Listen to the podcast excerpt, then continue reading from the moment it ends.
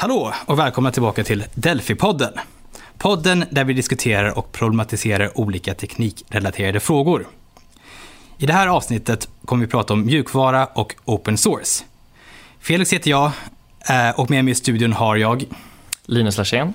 Och Johan Hübner. Eh, I dagens avsnitt kommer vi som sagt prata om open source. Och open source är i grund och botten mjukvara. För att förstå vad open source är och förstå vilka risker och fördelar som finns med att använda open source måste vi därför först gå igenom lite grunder om mjukvara. Ur ett juridiskt perspektiv är mjukvara ett litterärt verk. Linus, kan du kort berätta vad det innebär? Ja, men det innebär att någonting är ett verk, eller som i det här fallet ett litterärt verk, innebär att den som har skapat det, så kallat upphovsmannen, har en ensam rätt att styra egentligen för det här, hur det får användas. Sen, sen så kan man såklart avtala liksom, om man sprider det här vidare, men, men grund, grunden är att man, man som skapare har, har en rätt att styra över verket. Och mjukvara kan vi säga att det som är relevant för upphovsrätten är främst eh, kod och hur det uttrycks i praktiken. Till skillnad från till exempel idéer om hur ett datorprogram ska fungera, inget som, som skyddas av upphovsrätten, utan det är själva uttrycket i form av kod och eh, programinstruktioner egentligen som är det som omfattas huvudsakligen av upphovsrätten i det här fallet. På vilket sätt får upphovsmannen styra över verket? Ja, men det är till exempel om man vill licensiera rättigheterna till någon annan, att ge dem en licens att använda det man har skapat, eller till exempel överlåta rättigheterna helt eh, till en annan part. Det kan vara hur, hur det sprids, hur det förs över till allmänheten, hur man gör exemplar eller kopior till exempel. Mm. Precis. Um, och uh, du har varit inne på det lite grann. Um, licensavtal, att licensiera ut eh, är mjukvaran. Johan, vad innebär det då? Ja, men, upphovsrätten innebär en ensamrätt för upphovsmannen att göra de här sakerna. Så ensamrätt egentligen att använda framställa exemplar av, överföra till allmänheten och så vidare. Så för att man ska ge någon annan rättigheten till att använda det här så måste man på något sätt träffa ett avtal om att den andra personen, vad, den, vad, vad de får göra. Eh, och ett licensavtal i dess mest traditionella form är ju egentligen en väldigt begränsad rätt där jag ger en rätt till dig Felix att använda mitt datorprogram. Mm. och du kanske får göra en kopia för backup-ändamål. Eh, men du får bara använda det bara du. Eh, Linus får inte använda det exempelvis och så vidare.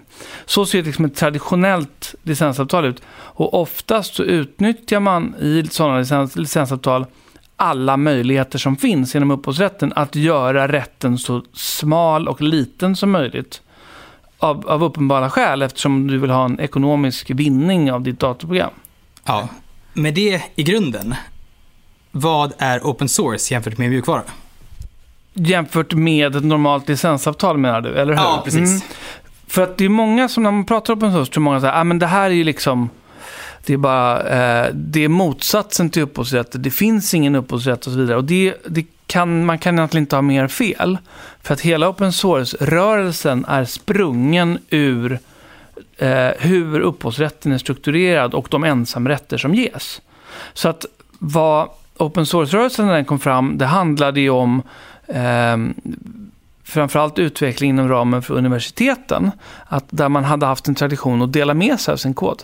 Man har haft en tradition av att hjälpas åt att utveckla saker och ting och det som, det som man gemensamt utvecklade fick man naturligtvis gemensamt använda. Så att syftet med, med open source är att utnyttja upphovsrätten så som det ser ut och ge användarna en betydligt större rätt än vad de hade haft under traditionella licensavtal. Ofta en rätt som är mer eller mindre exakt lika stor som upphovsmannen själv. Så, så, så funkar open source rent om man ska titta på ett mera makroperspektiv. Måste man ingå avtal för att använda open source? Eh, en, en open source-licens är ju ett, ett licensavtal. Så att eh, du måste definitivt ha accepterat ett licensavtal för att få de rättigheterna. Annars fall trillar man tillbaka till de väldigt, väldigt, väldigt begränsade rättigheter som man möjligen skulle kunna få inom ramen för upphovsrätten. Vilket egentligen, att då, då ju, har ju upphovsmannen förbehållit sig sina ensamrätter. Liksom. Vilka är fördelarna med att använda open source? De stora, övergripande? Eh, egentligen kan man väl säga så här att det finns eh, två stycken riktigt stora fördelar. Den ena är eh, eftersom det här är, är, är datorprogram som, som sprids allmänt på, via GitHub och, och, andra, så är det eh, färdiga funktioner som gör att farten i programvaruutvecklingen går mycket snabbare. Exempelvis om du ska ha en funktion för att kunna skriva ut någonting, mm. så kanske det finns ett färdigt bibliotek för det, som gör att du slipper skriva det själv. Eller någon annan sån funktion.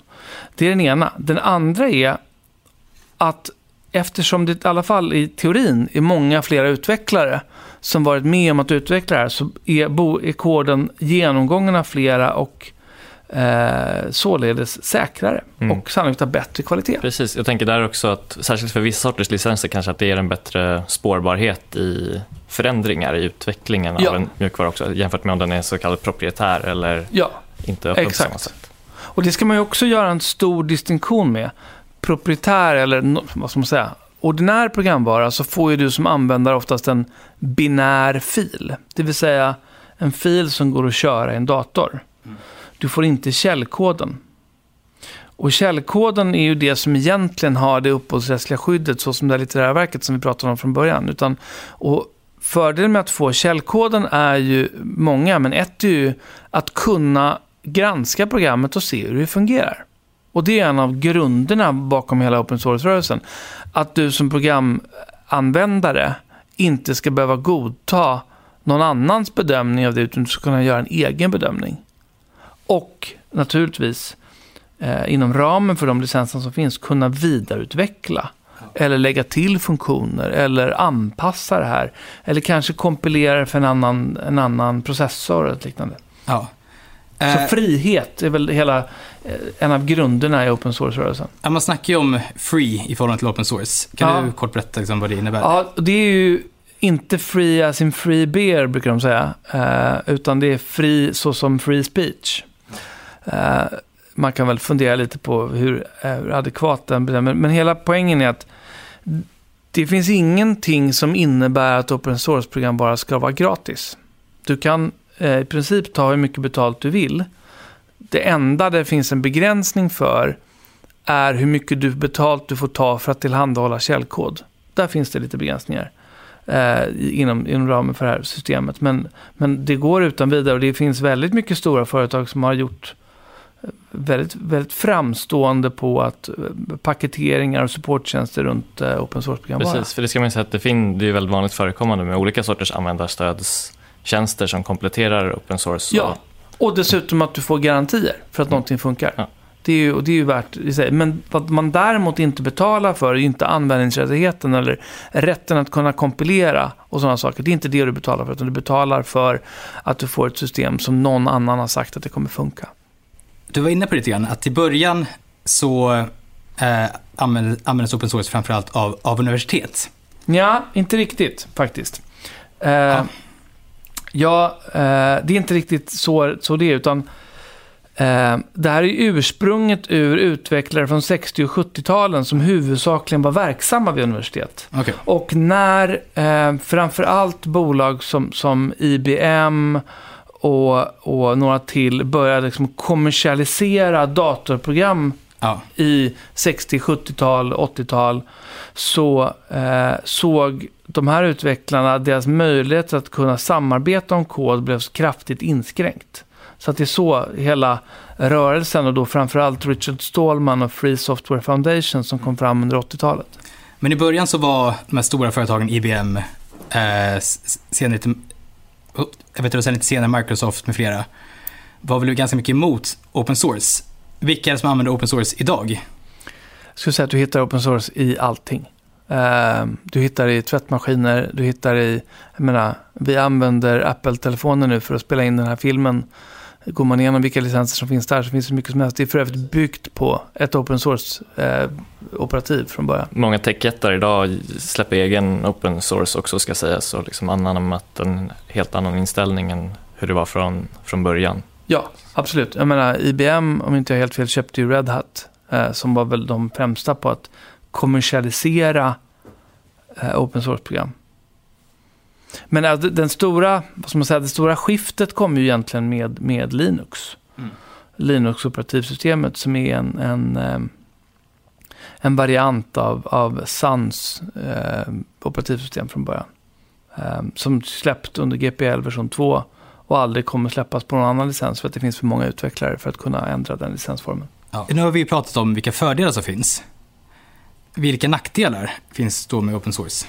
Eh, ja, men det finns ju, det finns ju vissa risker med att använda open source, bland annat kan man säga utifrån hur många licensvillkor är utformade. För att man, man pratar bland annat om tillåtande och restriktiva li, licenser av open source. Och vissa av de här riskerna kanske främst kommer med de restriktiva eh, licenserna, men det är att Eh, du får nog tänka igenom hur de här villkoren är utformade och vad det innebär för hur du kan använda tjänsten. För det finns till exempel vissa, eh, vissa risker med att sammanblanda open source med, med en egen utvecklad eh, källkod som man håller, håller hemlig.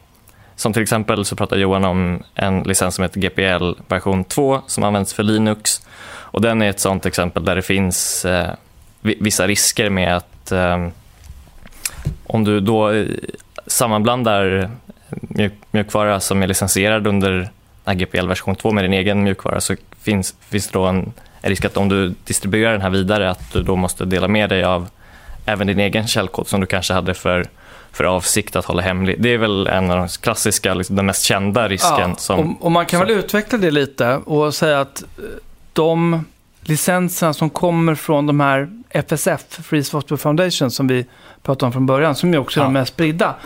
Syftet med dem var ju att också bevara kod inom ramen för det här eh, systemet.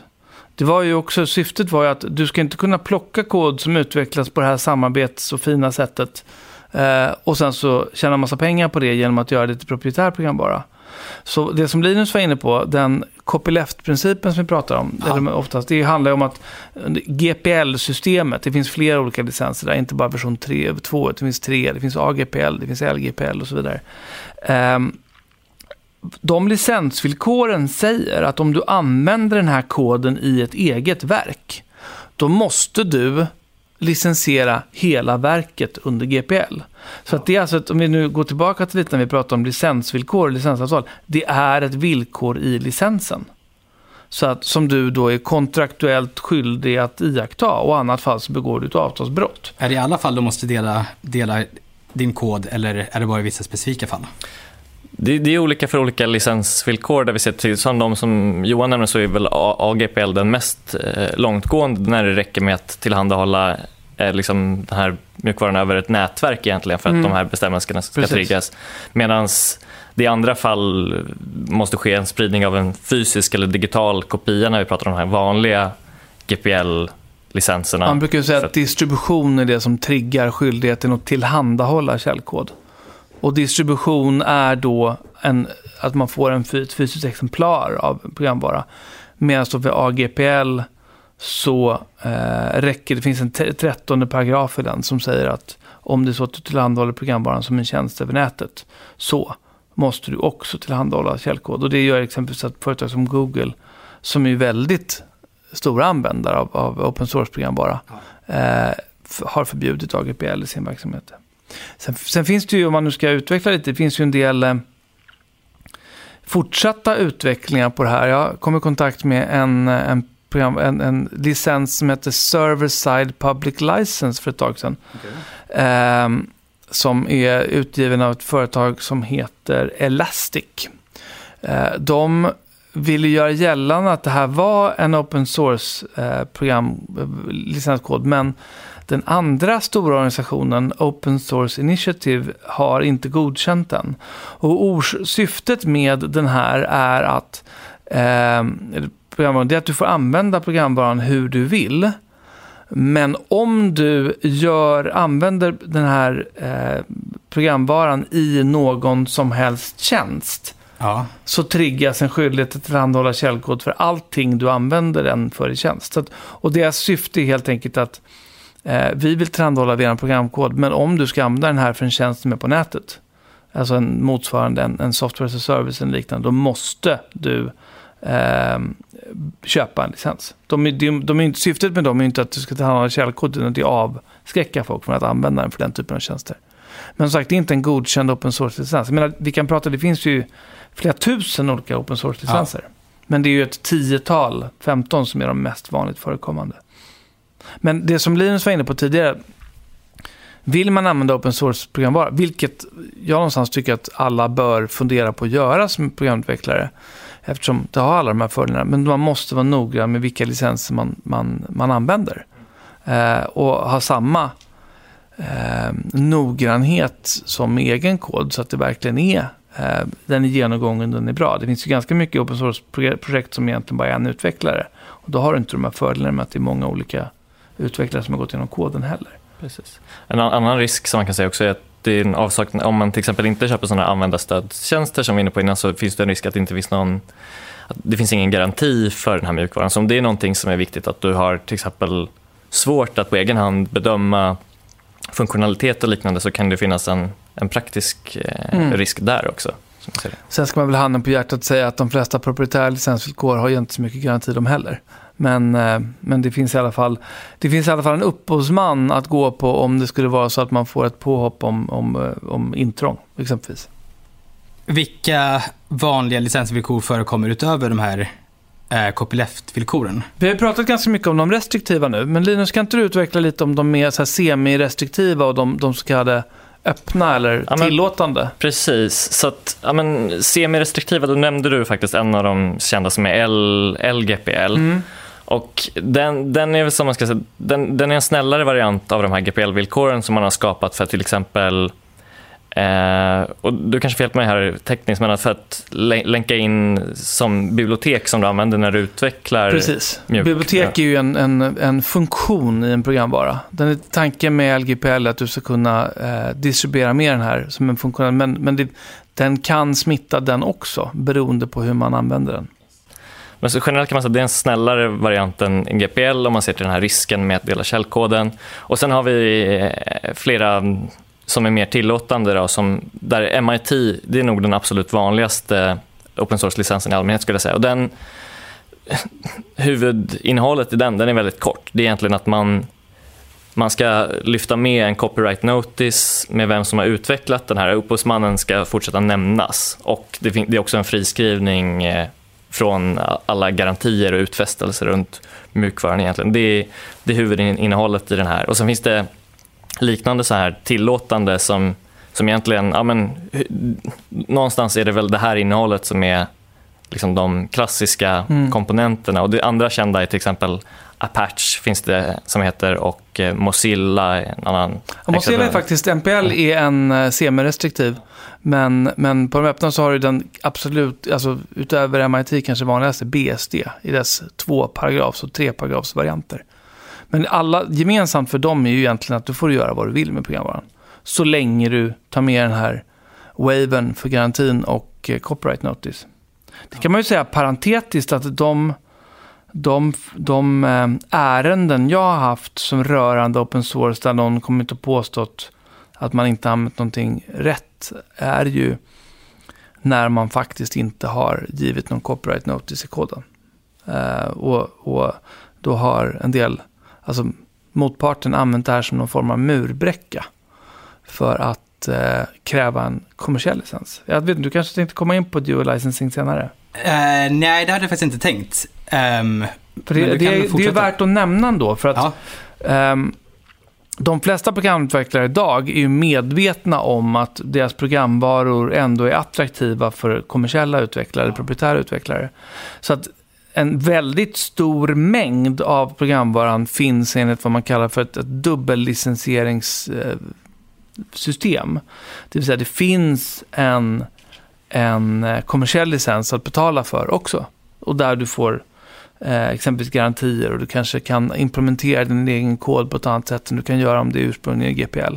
Så det är väldigt vanligt att man har en community version och sen så har man en, en kommersiell licens också. Um, så att, och det kan vara värt ibland, då, om man sitter i har ett bekymmer med det här så kan det ibland vara värt att försöka kontakta utvecklaren och se om de tillhandahåller någon annan licens mot en, mot en ersättning istället. Vi, för länge sedan så hade vi, vi försökte leta reda på utvecklaren till någon programvara. Han var en österrikare och eh, vi, helt enkelt, vår klient hade använt programvaran och inte riktigt gjort på rätt sätt och, och så vidare. Och nu inser man att nu måste vi försöka läka det här på något sätt. Så man kontaktade honom först via mail, han svarade inte. Och sen så skickade vi ett, ett eh, rekommenderat brev, han svarade inte heller. Och till slut så tog vi kontakt med en österrikisk privatdetektiv som försökte hitta honom. Han gick också bet och då tänkte vi att riskerna här är kanske inte jättestora för att han kommer komma jagandes. Um, så att de lät det vara. Men vi gjorde nog det vi kunde för att försöka kontakta honom. Går det att verkställa eh, restriktiva licensvillkor, alltså eh, copyleft-villkor eh, med mera? Och förekommer det att det har prövats i domstol? Det har prövat ganska sparsamt i Sverige. Jag vet inte om det finns några fall överhuvudtaget. Jag tror inte det finns någonting i Sverige, nej.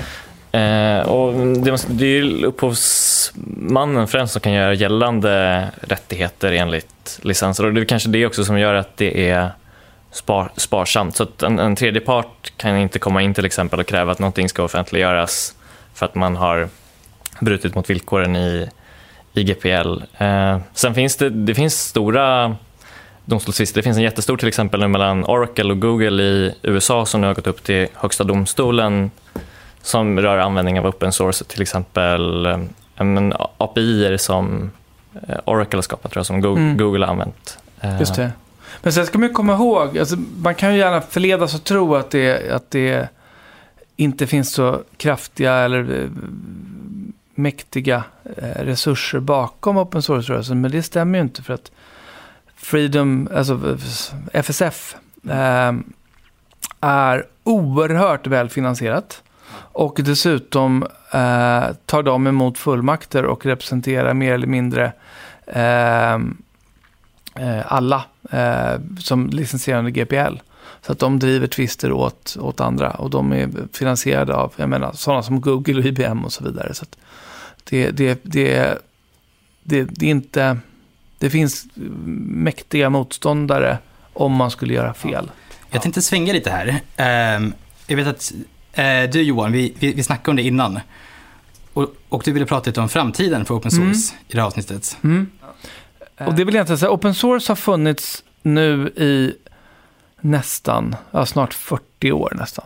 Um, och har varit oerhört betydelsefullt för programvaruutvecklingen och vad ska man säga, demokratiseringen av kod och utveckling. Uh, men vad vi ser idag är ju att programvara i sig, jag skulle inte säga att det tappar i värde, men programvaran blir en utility för att komma åt tjänster som i själva verket som, som körs eh, via nätet på ett eller annat sätt. Ja. Eh, vilket gör att själva programvarubiten tappar i så att säga, konkret ekonomiskt värde. Och där Eh, vad open source gjorde var att det möjliggjorde utveckling för väldigt många och det möjliggjorde snabb utveckling för väldigt många. Men det utgick någonstans ifrån att det är system som man kör på servrar eller datorer. Eh, och idag när mer och mer letar sig upp i molnet eh, ja. och eh, på olika sätt så handlar det ju ganska mycket om hur får jag tillgång till de här tjänsterna och hur kan jag få, få de här de här tjänsterna att fungera ihop på många olika sätt. Det ser vi ju inom menar, IoT och även vanliga, alltså enklare molntjänster. Hur, hur flyttar du exempelvis ditt innehåll på Dropbox till, till Google Drive eller vice versa? Eller, ja. och alla de sakerna. Så att, Kommer det här påverka de licensvillkor som finns idag? Eh, ja, jag vet faktiskt inte riktigt. Um, jag tror att ganska ofta så får du tillgång till programvaran när du tecknat upp det på tjänstevillkoren ja. idag. Vilket gör att open source-frågan blir lite mm, oväsentlig. Ehm, jag, min, vad jag har sagt ett par år är att jag tror att det vore bra med en open source-rörelse vad det gäller API-er. Som du var inne på lite. API är ju programsnuttar också. Men det är också eh, tillgången till API gör att du kan integrera tjänster med varandra det är som dörrar för att få känslan att prata med varandra. Jag tänkte bryta mm. den tråden där, för vi kommer att prata om API i nästa Ja, men det är väl jättebra. Vi behöver inte gå igenom vad en API är, men jag tror att det behövs en rörelse för öppna och standardiserade API. -er. Ja. Eh, med det sagt, vill ni säga några avslutande ord på det här avsnittet? Det är egentligen, eh, som, som Johan var inne, lite inne på, att eh, jag tror vi, vi rekommenderar alla att fun fundera över att använda open source. Eh, men, men, men tänk på att göra det på rätt sätt och vad som, vad som är viktigt för dig. För det finns som sagt eh, både för och nackdelar. Men, men ofta finns det alltid någon situation där det är lämpligt att använda open source. Precis, och, och när, beroende på vad du håller på med, men open source finns precis överallt. Oavsett vilken typ av verksamhet det är, så finns det mjukvara. Och finns det mjukvara så finns det open source. Så därför måste man liksom hålla tungan rätt i mun. Jag Ja. tror att det var Richard Stallman som vid någon tillfälle sa, som sa software is eating the world. Och när jag hörde det första gången så fattade jag inte alls vad han menade. Nu förstår jag fullständigt vad han menade. För att det finns mjukvara i allting idag. Och där finns det open source. Perfekt. Eh, med det så tackar jag för oss för den här gången och så hörs vi framöver. Ja, Stort tack så tack för idag.